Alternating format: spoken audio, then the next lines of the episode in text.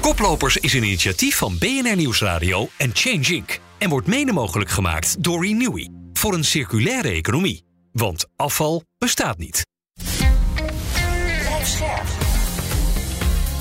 BNR Nieuwsradio. Koplopers. Donatello Piras en Werner Schouten.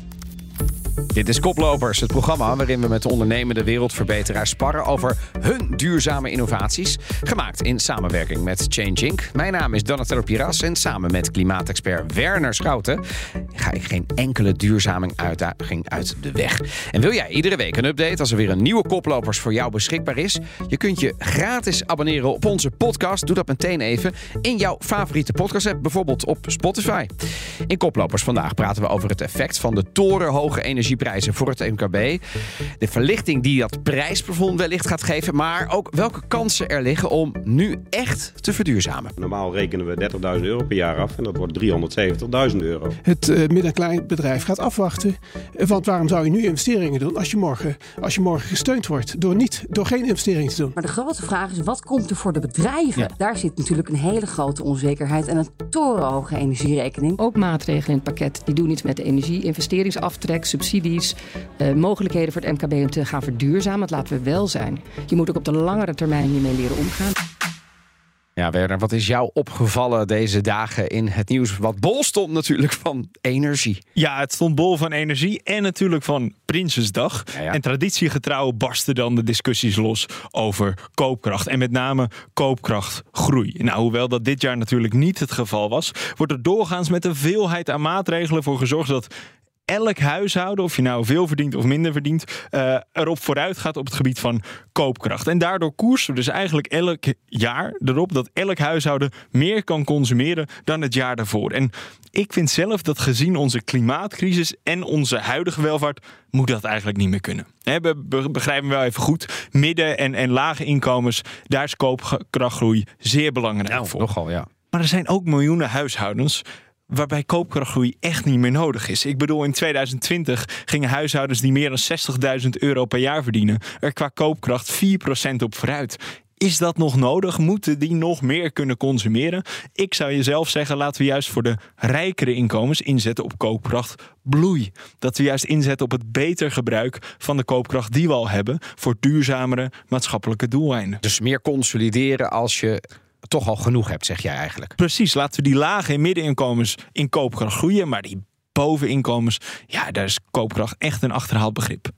We gaan het over energie hebben met onze eerste gast. Dat is MKB Nederland voorzitter Jacco Vonhof. Welkom Jacco. Een goede middag.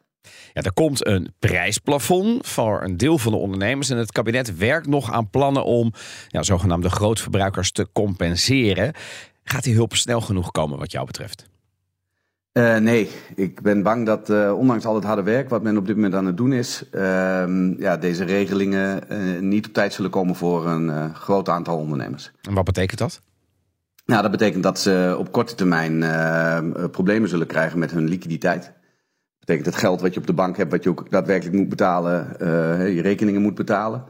Um, en daarmee komen bedrijven eigenlijk heel acuut in de problemen. Dus wij denken dat het denken over zo'n prijsplafond, uh, in ieder geval manieren om die enorm gestegen prijzen, soms wel tienvoudige, om die af te toppen, ja. dat, dat, uh, dat dat gaat werken. Maar als dat pas in november is, zul je voor die tijd ook echt afspraken moeten maken, bijvoorbeeld met uh, energieleveranciers, om tijdelijk even de betalingen te kunnen staken.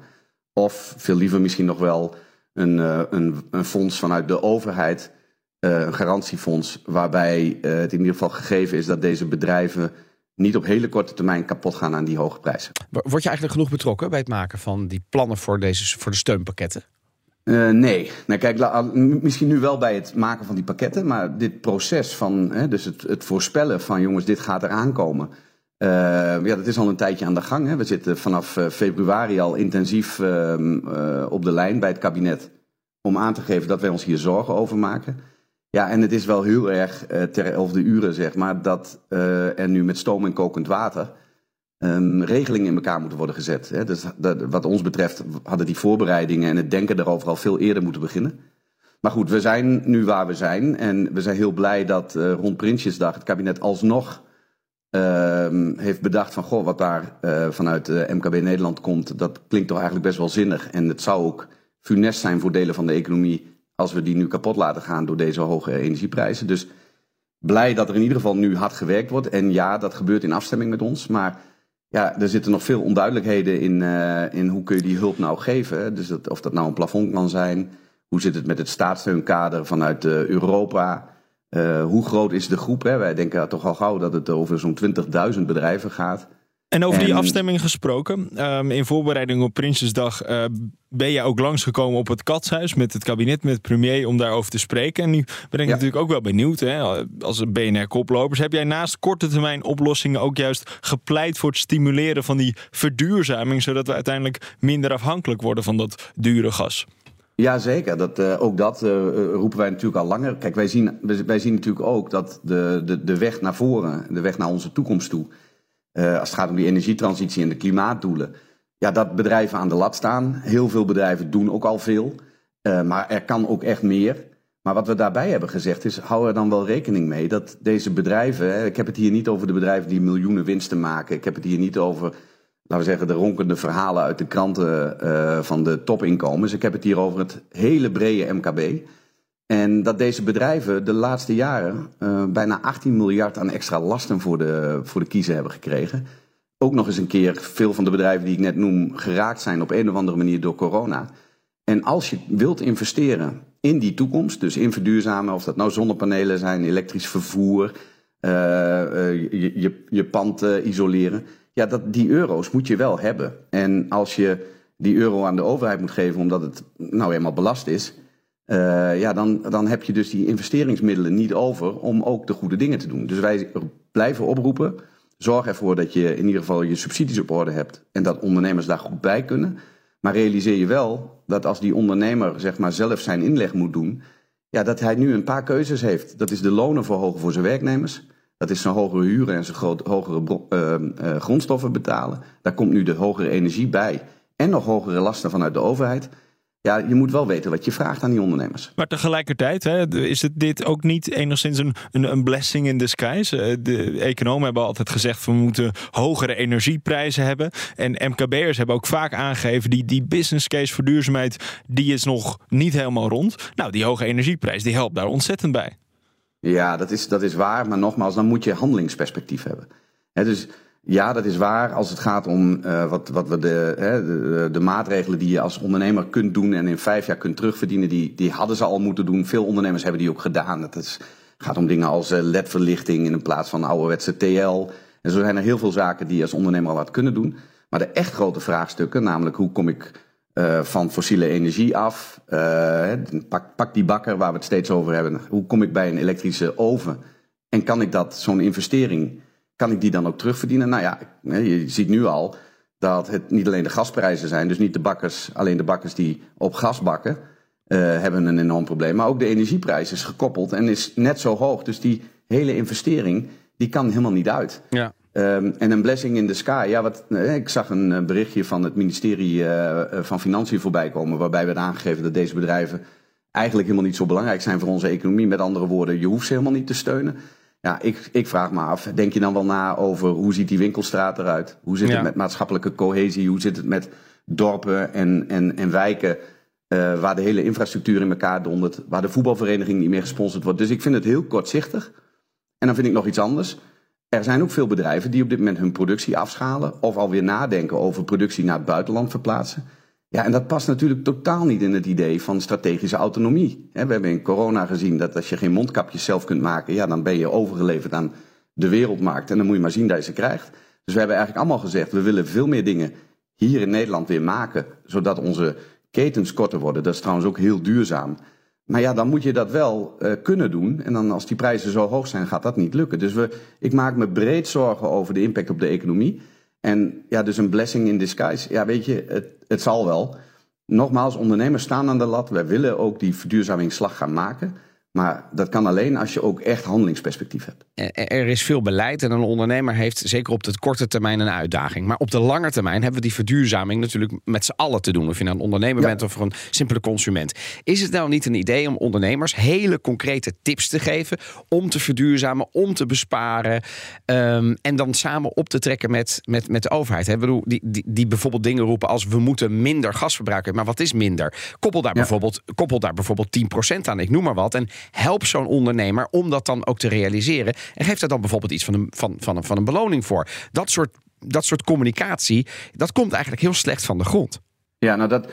De, heel veel van die, eh, van die uh, zaken staan gewoon klaar. Hè. We hebben ook samen met het ministerie van Economische Zaken uh, een website in de lucht gebracht waarbij je heel simpel als ondernemer een aantal vragen kunt invullen. Daar vind je concreet ook de, de maatregelen, de regelingen, de subsidies die daarvoor mogelijk zijn. Uh, ook de impact op je bedrijf. Hè? Dus uh, hoe kom je dan van A naar B? Um, dus dat, dat staat allemaal klaar. Maar zoals ik wel vaker zeg, hè, dit zijn ondernemers. Dit zijn geen uh, miljoenen bedrijven met honderden medewerkers. Dit zijn ondernemers die de hele dag buffelen. op dit moment ook zeg maar bergop aan het, aan het knokken zijn om, om, om hun business in de benen te houden. Die komen s'avonds thuis. En dan gaat dit nog eens een keer spelen. Ja. En ja, natuurlijk het is belangrijk dat je daar goede advisering hebt. Die is er ook, maar eh, die ondernemer moet wel de ruimte voelen om daar ook mee aan de slag te gaan. Nou, heel veel nogmaals doen dat al. Hè? Dus laten we vooral ook niet somberen. Nee, Je komt nu al tot de conclusie dat deze prikkels inderdaad ertoe leiden dat ondernemers de goede dingen doen. Maar om, om nog een voorbeeld te noemen. Nee, nou, heb, ik, ik, ik, moet het gezien de tijd hierbij uh, houden voor ja. dit. Uh, dankjewel, Jacques Vanhoff, voorzitter van MKB Nederland. Ja, voor een deel van de MKB-ondernemers is het dus uh, wel degelijk een uh, penibele situatie op dit moment met de energieprijzen. Ja. En luisterend naar het verhaal van Jakker, dacht ik ook toch wel van... Ja, we praten al wel jaren over energiebesparing. Er is ook een energiebesparingsplicht, een informatieplicht ja, als we daar eerder zwaar op hadden ingezet en dat echt serieus hadden genomen, heel veel MKB'ers weten nog niet eens van die plicht, dan hadden we nu minder zwaar op de bladen moeten zitten. Ja, ja ik ben het wel met je eens. En tegelijkertijd denk ik ook, ja, het is ook wel heel erg wrang. Op de hele, hele korte termijn moet je denk ik die ondernemer ook gewoon die er last van heeft, hè, die energie-intensieve ondernemer compenseren. Ja, en daarna, daarna zou MKB Nederland en de overheid samen in ieder geval op de voorlichting wat meer moeten doen. Want ja, anders komt het gewoon te traag van de grond. Dat ben ik met je eens. Zeker, en misschien wel zwaarder inzetten op juist regelgeving en beprijzing van vervuiling, zodat die MKB'ers vanzelf die verduurzaming in worden geduwd. Ja, waar blijft het bovenop zitten? Onze volgende gast hier bij ons in de studio bij BNR is Johan Seidsma, energieadviseur voor adviesbureau Stel. Welkom. Dankjewel. Ja, um, ja we, we, hebben dus net gehad over allerlei uh, mogelijkheden, over prijsplafonds en uh, dat soort dingen. Hoe heb je daarnaar geluisterd? Ja, ik vind het heel dubbel. Ik vind het uh, goed dat de overheid op dit moment ingrijpt en de uh, zwakste in de samenleving gaat helpen. En dat doe je inderdaad wel effectief met zo'n prijsplafond. Um, ik vind hem ook wel heel snel gaan, want ik merk dat in de afgelopen maanden juist de onrust, uh, never waste a good crisis, uh, de, de boel in gang zet. En is, er, is, er, is er nu meer reuring, onrust, momentum, urgentie. Absoluut. Ja, merk je dat? ja, en dat geldt op alle vlakken. Dus ondernemers helpen met verduurzamen, maar ook de aanvragen voor verduurzamingsmaatregelen. We helpen vanuit stel um, niet alleen met het adviseren, maar ook met die vervolgstappen. Als je ziet hoe graag ondernemers nu ineens, uh, joh, leg dat dak maar vol in plaats van half vol, want oh, dat ja. is voor mijn verbruik. Want ik ga wel terugleveren en ik ga wel kijken wat ik daar uiteindelijk voor waarde uithaal. Uiteindelijk heeft dat allemaal wel een milieu-impact. En als het geleverd kan worden, dan, dan hebben we nu wel echt een momentum waar we fantastische dingen kunnen bereiken. Wat zijn andere maatregelen die nu in één keer volledig in trek zijn bij eh, MKB'ers? Ja, toch wel echt de warmtepomp. Omdat Je, ja, en dan ben ik heel benieuwd naar het prijsplafond van die 70 cent. Want daar ben ik wel een beetje angstig voor. Van, uh, dat je ziet, hey, elektriciteit wordt dan uh, nou, relatief nog duurder dan, dan dat we gas gemaakt hebben. Maar die warmtepomp is zo effectief dat in de afgelopen maanden uh, heel vaak de toepassingen gaan veel breder dan joh, alleen het keteltje vervangen door die warmtepomp. Maar ook joh, kan ik die bedrijfshal niet ook op zo'n soort manier verwarmen? Of kan ik uh, veel gerichter gaan verwarmen? Stralingswarmte, uh, infraroodpanelen zeg maar, zijn ook een mogelijkheid geworden. Waar dat de terugverdientijd was 8, 9, 10, 12 jaar. ja, dat is inmiddels 2, 3 jaar. Als je een slechte winter tussen hebt zitten, misschien wel één winter. Maar dan toch even, we praten eigenlijk al jaren over energiebesparingsplicht. Er is zelfs een informatieplicht richting de overheid voor, van MKB'ers. En pas nu worden we wakker. Ja, ik heb ontzettend veel informatieplichten voor ondernemers mogen doen. En het ging constant over, joh, vink voor mij alsjeblieft zo snel mogelijk af wat ik moet doen. En dan kan ik weer door met mijn bedrijf. Het is gewoon afvinken. Ja, en nu dus is het eigenlijk geen, geen, geen enorme, of geen enorme, dus dat eigenlijk helemaal geen intrinsieke motivatie. Nee, was er wel, en dan was het vaak van, joh, uh, dit helpt me om, maar dat was 1 op de 10. En nu is het zo van, joh, het is ineens een intrinsieke motivatie, want dat hele uh, financiële aspect van die energierekening is een onderdeel van de directe bedrijfsvoering geworden. En daar zie ik nu een enorme impact ontstaan van, ja, laten we die maatregelen er maar, weer eens Maar dan toch even, joh, om het toch maar even te benoemen hier bij koplopers dat betekent dus wel dat die, die enorme energiecrisis waar we allemaal in zitten, die we niet hadden gewild, maar we hebben hem nu wel, die helpt dus wel die verduurzaming. Absoluut. Ja, daar durf ik wel echt eh, mijn hand voor in het vuur te steken. Dat je gewoon ziet, ondernemers willen nu, want het gaat ergens om. En het is niet meer van, joh, dit is een procentje van de energierekening. Nee, dit is gewoon een significant aandeel van mijn omzet. Uh, dus ik ga stappen zetten. Maar dan toch, hè, er zijn een heleboel ondernemers die al wel eerder die stap hebben gezet. Hè. Die 1 op de 10 ondernemers die jij zojuist noemt. Die zijn de koplopers geweest. Nu hebben die een energieplafond, die ontvangen die ook. Is dat niet een beetje oneerlijk dat je denkt van dat je nu de, de koplopers een beetje nou, benadeelt omdat die wel vooruitstrevend zijn geweest en vooruit hebben gekeken? Ja, voor de korte termijn zeker. Maar ik denk wel dat dat energieplafond gaat er een keer af, want dit kunnen we met z'n allen nooit jarenlang eh, volhouden financieel gezien. Uh, dus eh, dan heb je dat concurrentievoordeel nog steeds. Tenzij je concurrenten het ook allemaal doen op dit moment. Maar daar zie je dan weer de schaarste in materialen op dit moment. Dus ik ben wel, uh, ja, met die koplopers, dat is wel echt een, een mooie groep. Ook als voorbeeld binnen hun eigen segment en hun eigen uh, groep. Van, daar gaan concurrenten nu ook bij elkaar kijken. Van, joh, wat heb jij gedaan? Hoe kan ik dat kopiëren en hoe kan ik dat ook doen? want je hebt duidelijk een concurrentievoordeel. want je kosten liggen lager, maar ook je milieu-impact ligt lager. En daarmee je afnemers willen jou in plaats van mij. Uh, en, en dat vind ik wel uh, gewoon hele interessante ontwikkelingen. En laten we eens meelopen met jou. Als je binnen een bedrijf loopt, eh, waar kijk je naar? Waar is de grootste winst doorgaans te behalen? Laten we even een soort van masterclass energiebesparing doen. Gratis hier op BNR. Ja, nou, wat voor mij uh, begint het altijd al voordat ik binnenloop. Dus ik loop een rondje rond het pand zonder dat die ondernemer erbij is. Gewoon eens even zien, wat voor pand is het? Hoe nieuw is het? Wat kan ik verwachten? De mystery guest. Ja, eigenlijk wel. Met een fotocamera. En dan zitten mensen ook altijd te kijken, wat is die nou aan het doen? Uh, en vervolgens loop ik naar binnen en ik loop bijna de hele tijd met mijn hoofd in mijn nek. Uh, zeg ik wel eens. Dus alleen maar omhoog kijken. Want daar gebeurt het. Daar gaat de warmte naartoe. Daar komt de koeling vandaan. Uh, daar lopen alle leidingen.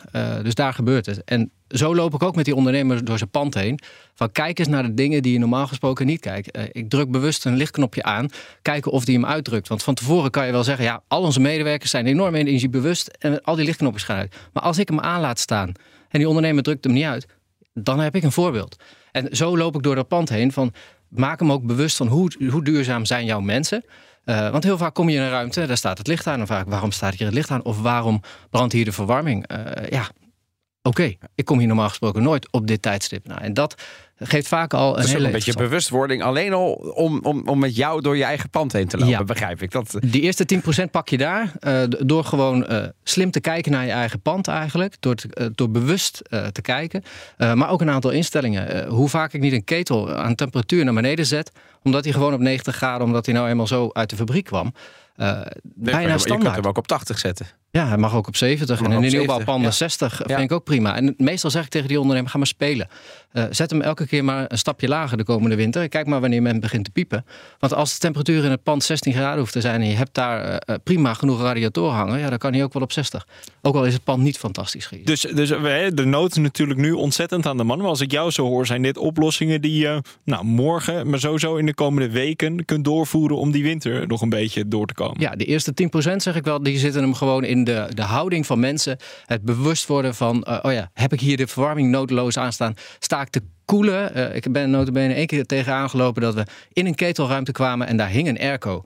Omdat het daar altijd zo heet was. Dan denk ik, ja, ga de leidingen isoleren. Uh, in plaats van hang er een airco op. Dus ja. dat soort dingen. Maar, maar, maar, toch, hè, nu hoor ik je eventjes in een bijzin zeggen, joh, die eerste 10%, dat is eigenlijk dat ontstaat al door erover te praten. Ja. Maar moet je even voorstellen wat dat betekent. We doen, als, ieder, als we in Nederland allemaal 10% zouden besparen, dan zijn we er hè, bijna. Uh, uh, bedoel, kan je gewoon een heel windmolenpark eigenlijk wegsnijden. Ja, ja maar dan, dan hebben we ook veel minder energieafhankelijkheid ja. van, van, van gas uit, uit, uit, uit het buitenland. Kortom, die 10% die is cruciaal. Dus, dus als dat alleen al komt door bijvoorbeeld dit soort gesprekken met, met energie-experts zoals jij, ja, moeten we daar dan niet veel meer op inzetten? Ik zou het wel. En die mogelijkheden zijn er ook. Ik bedoel, de subsidiemaatregelen uh, vliegen je om de oren af en toe. Ja. Uh, ik heb overigens liever dat een maar ondernemer. Weet een ondernemer dat? Nou, dat weet ik niet. Dat durf ik niet te zeggen. Wat ik wel merk is, als het gratis is, dan wordt het minder, heeft het minder impact. Uh, dus wat ik merk is dat die ondernemer er liever voor betaalt. Want dan weet hij ook, ik krijg iets waar ik voor betaal. Uh, en dan kom ik ook voor mijn bed uit. En dan komt er een professional. Nou, nee, maar, ja, inderdaad. Want ik Ja. hoor regelmatig van ja, er komt er nu een student zeker. Omdat het gaat. Nee, iemand anders betaalt het voor je. Dus er komt geen student. Er komt iemand die echt met jou mee gaat kijken. Ehm, maar het, het is, men wil ergens iets voor betalen om er waarde aan, aan te, toe te kennen. Dan over eh, eh, die gratis oplossing. Er is recent een, een, een, een subsidieregeling geweest voor mm, volgens mij verduurzamingsadviseurs. Ehm, om, om MKB'ers te helpen. Die is stopgezet omdat er te veel misbruik van werd gemaakt. En eh, het ministerie van Economische Zaken zei van daar gaan we, die zetten we stop. Dus dat is toch wel een beetje een smetje op het blazoen van jouw beroepsgroep. Klopt. En dat, dat voelt voor mij en mijn collega's die er echt goed in zitten ook heel pijnlijk eigenlijk. Want dat was een fantastische regeling. Ondernemer betaalde een deel. En er gingen gewoon heel veel cowboys mee rondlopen. Dus deur-aan-deur verkopers die nog nooit een ketel eh, open gehad hadden, zeg maar, eh, konden daar ineens advies. En pushte dat ook enorm die ondernemer. Hoe maak je, moet dat onderscheid als ondernemer van dit is een cowboy en dit is een gedegen eh, energieadviseur? Goeie vraag, want ik merk het. Nou, ik ben EPA geschoold. Daarmee mag ik ook labels afgeven. Dat is een keurmerk. En zo zijn er nog een aantal van dat soort keurmerken in de markt. waar je de, nou ja, het kaf van het koren kunt scheiden. En dat is wat mij betreft wel een belangrijke voorwaarde. waarvan ik ook hoop dat die straks in de regeling, als die weer terugkomt. eh, een, gewoon een onderdeel is. En dat niet iedereen die zichzelf energieadviseur noemt. ook daadwerkelijk dat kan gaan doen. Tot slot, Johan, de eh, belangrijkste twee maatregelen die iedere ondernemer heel snel zou kunnen invoeren om deze winter er toch warmpjes bij te zitten.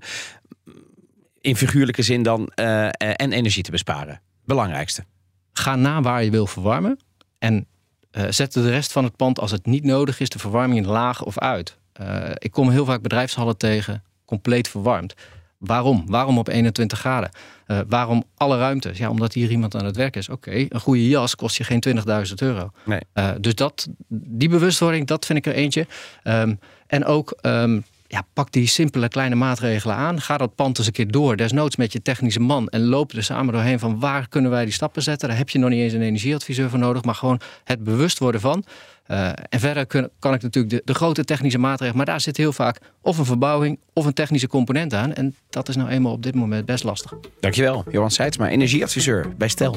Nou, dat waren hele concrete tips van eh, Johan. En volgens mij, hij zit wel lekker in het moment, hè? Zeker, ja. Volgens mij heeft hij eh, geen beter moment dan dit. En volgens mij lopen wij straks met het hoofd in de nek de studio uit... om even te kijken wat BNR kan verduurzamen. Ja, ik heb wel een stijf nekje en het is hier pokkenwarm. Dat is in ieder geval, eh, daar kan wel iets verbeterd worden. instelling kan al, eh, daar kan al heel veel winst worden gemaakt, denk ik. Ga eens praten hier.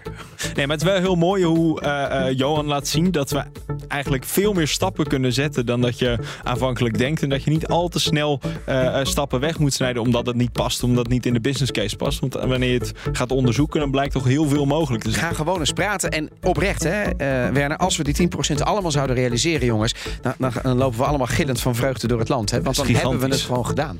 Ja, laten we dat doen. In de podcast eh, praten we nog even door over de stelling... eh, prijsplafonds en kortingen moeten snel afgeschaft worden om verduurzaming aan te jagen worden. Al eigenlijk genuanceerd beeld, deels voor, deels tegen. Te beginnen bij jou, eh, Jacco. Jij was deels voor, zei je. Ja, kijk, op zich is het natuurlijk nooit goed om in een, in een markt zo in te grijpen als we op dit moment aan het doen zijn. Dus, eh, dus alles waar wij om vragen, dat we realiseren ons ook dat dit gewoon hele bijzondere tijden zijn. Waar je soms eh, ook hele bijzondere maatregelen moet nemen. Maar die maatregelen zijn natuurlijk op lange termijn nooit goed voor een economie.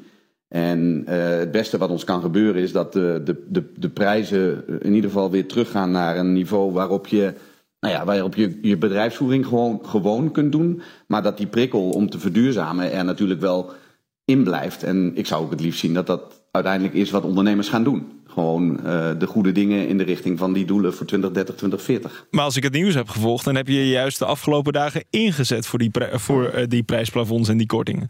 Ja, dat klopt, heel, dat klopt helemaal. Hè. Zo, dat hebben we natuurlijk in corona ook gedaan, eh, omdat het hele bijzondere omstandigheden zijn. Kijk, als je geen handelingsperspectief hebt als ondernemer, nu, je kunt nu niet weglopen voor die eh, prijzen. Sterker nog, zelfs ondernemers die al heel ver zijn met bijvoorbeeld elektrificatie, betalen nu net als alle anderen een sky-high rekening.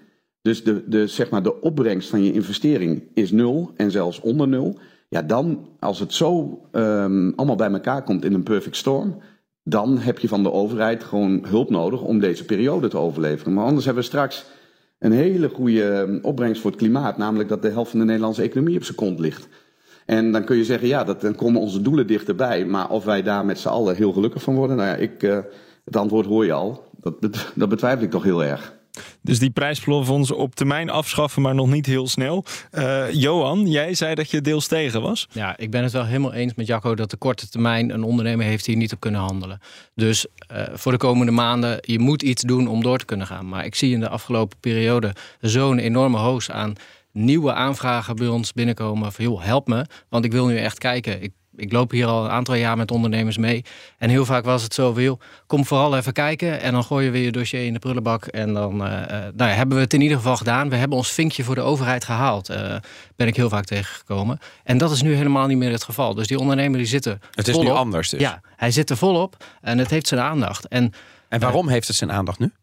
Omdat het uiteindelijk een significante deel van zijn, van zijn rekening is. Um, ja, maar dan, dus, is, maar dan is er dus momentum. Absoluut. Ja. En dat vind ik fantastisch. En als de mogelijkheden er ook zijn om die stappen te zetten. Dus dat ze daadwerkelijk dingen kunnen doen. En niet dat, ja, die warmtepomp die kunnen we pas over een jaar leveren. Dat soort dingen. Maar als ze daadwerkelijk die stappen kunnen zetten. De mogelijkheden zijn er, de financieringsmogelijkheden zijn er. Alles ligt klaar om die ondernemer te helpen. Maar dat betekent dus, Jacco, dat momentum uh, horen we uh, net van Johan, hè, is nu. Uh, ja, dat, dat, dan lijkt het me dus ook zaak dat zodra het kan, moeten we van die, van die prijsplafonds af. Ja, nee, dus dat is precies in mijn lijn. Hè. Dus die prijsplafonds zijn natuurlijk een onnatuurlijke manier om in te grijpen in een markt die normaal gesproken uh, goed werkt en de goede prikkels afgeeft. Dat doet de overheid met belastingen en accijnzen en het is allemaal prima. De goede kant van de prikkels is dat, hè. maar dan kun je het ook kun je de niveaus ook zelf aanpassen. Daar ben je zelf bij. Nu zijn we, nou ja, nu, nu, nu hebben wij daar niks over te zeggen en explodeert het. Daarvoor zijn die tijdelijke ingrepen nodig. Nou ja, eh, ik moet er natuurlijk gewoon bij zeggen. Kijk, ik knok nu voor die 20.000 energie-intensieve bedrijven die ja, echt geen kant op kunnen. Er zijn natuurlijk ook zat ondernemers waar het gewoon heel goed gaat. En dat is ook heel fijn. En die ondernemers zouden, zou je nu juist willen aanjagen. Die zouden nu kunnen nadenken over.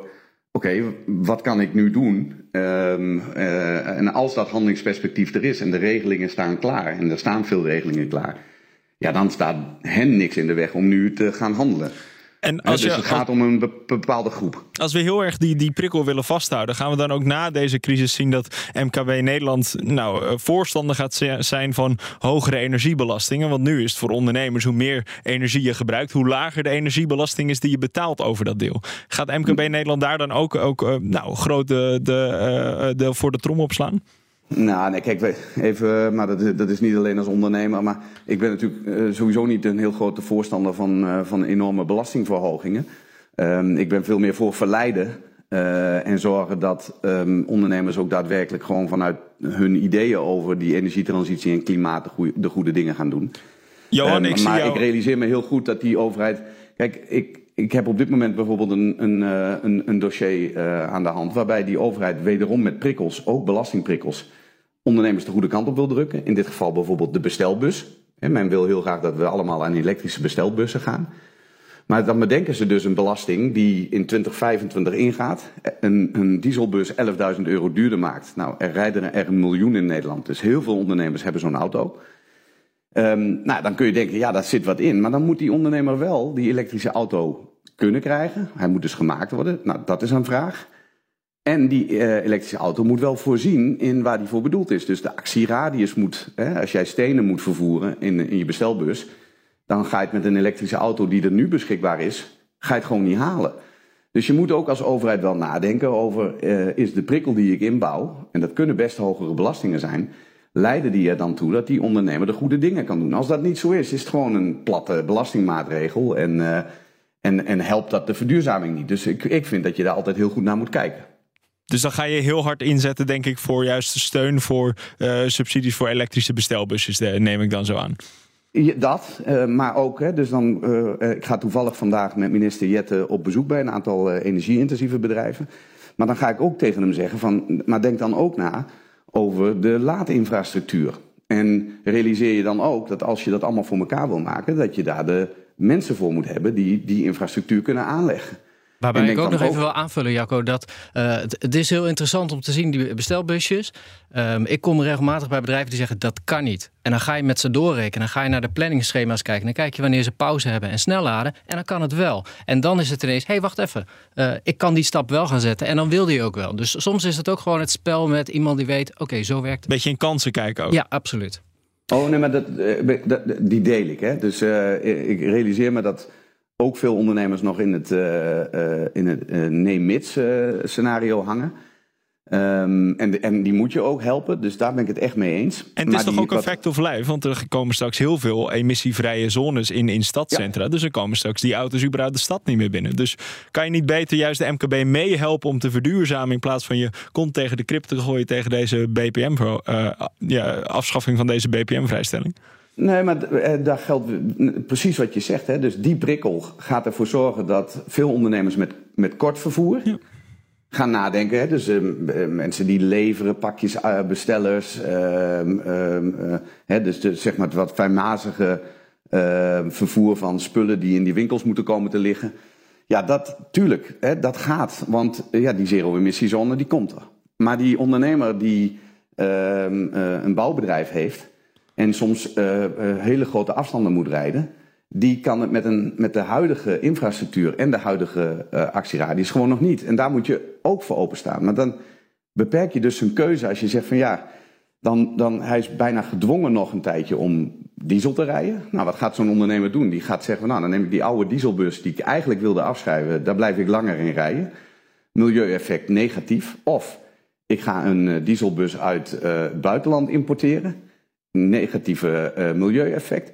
Dus je, daar waar die ondernemer die, uh, die handelingsmogelijkheden niet heeft, zal die dus voor het verkeerde alternatief gaan kiezen. Dus je moet aan twee kanten, denk ik, van deze medaille iedere keer blijven kijken. Maar ik ben het er echt mee eens dat daar waar ondernemers wel perspectief hebben. En soms misschien onbewust onbekwaam zijn, omdat ze gewoon niet weten wat er allemaal kan. Ja, die moet je helpen. En daar hebben we ook heel veel instrumentarium voor. Maar ja, ik knop nou eenmaal voor die ondernemers die het niet kunnen. En wel worden uh, geraakt door dit soort, wat, wat mij betreft, ongerichte maatregelen. Dankjewel, Jacob Vonhoff, de voorzitter van MKB Nederland. En Johan Seidsma, energieadviseur bij Stel. Voor het luisteren, dit was de podcast van Koplopers alweer. Vergeet je niet te abonneren in de app waar je nu luistert, want het is gratis. En je hebt er heel veel aan. Ja, en als je de duurzame energie ervoor hebt, misschien ook vijf sterren. Ah, dat kost je heel, uh, helemaal niets, maar dan krijg je meteen een seintje als er weer een verse Koplopers voor je klaar staat. Voor nu een hele fijne week gewenst en tot de volgende. Koplopers is een initiatief van BNR Nieuwsradio en Change Inc. en wordt mede mogelijk gemaakt door Ebbingen. Ebbingen kent, verbindt en ontwikkelt de leiders van de toekomst.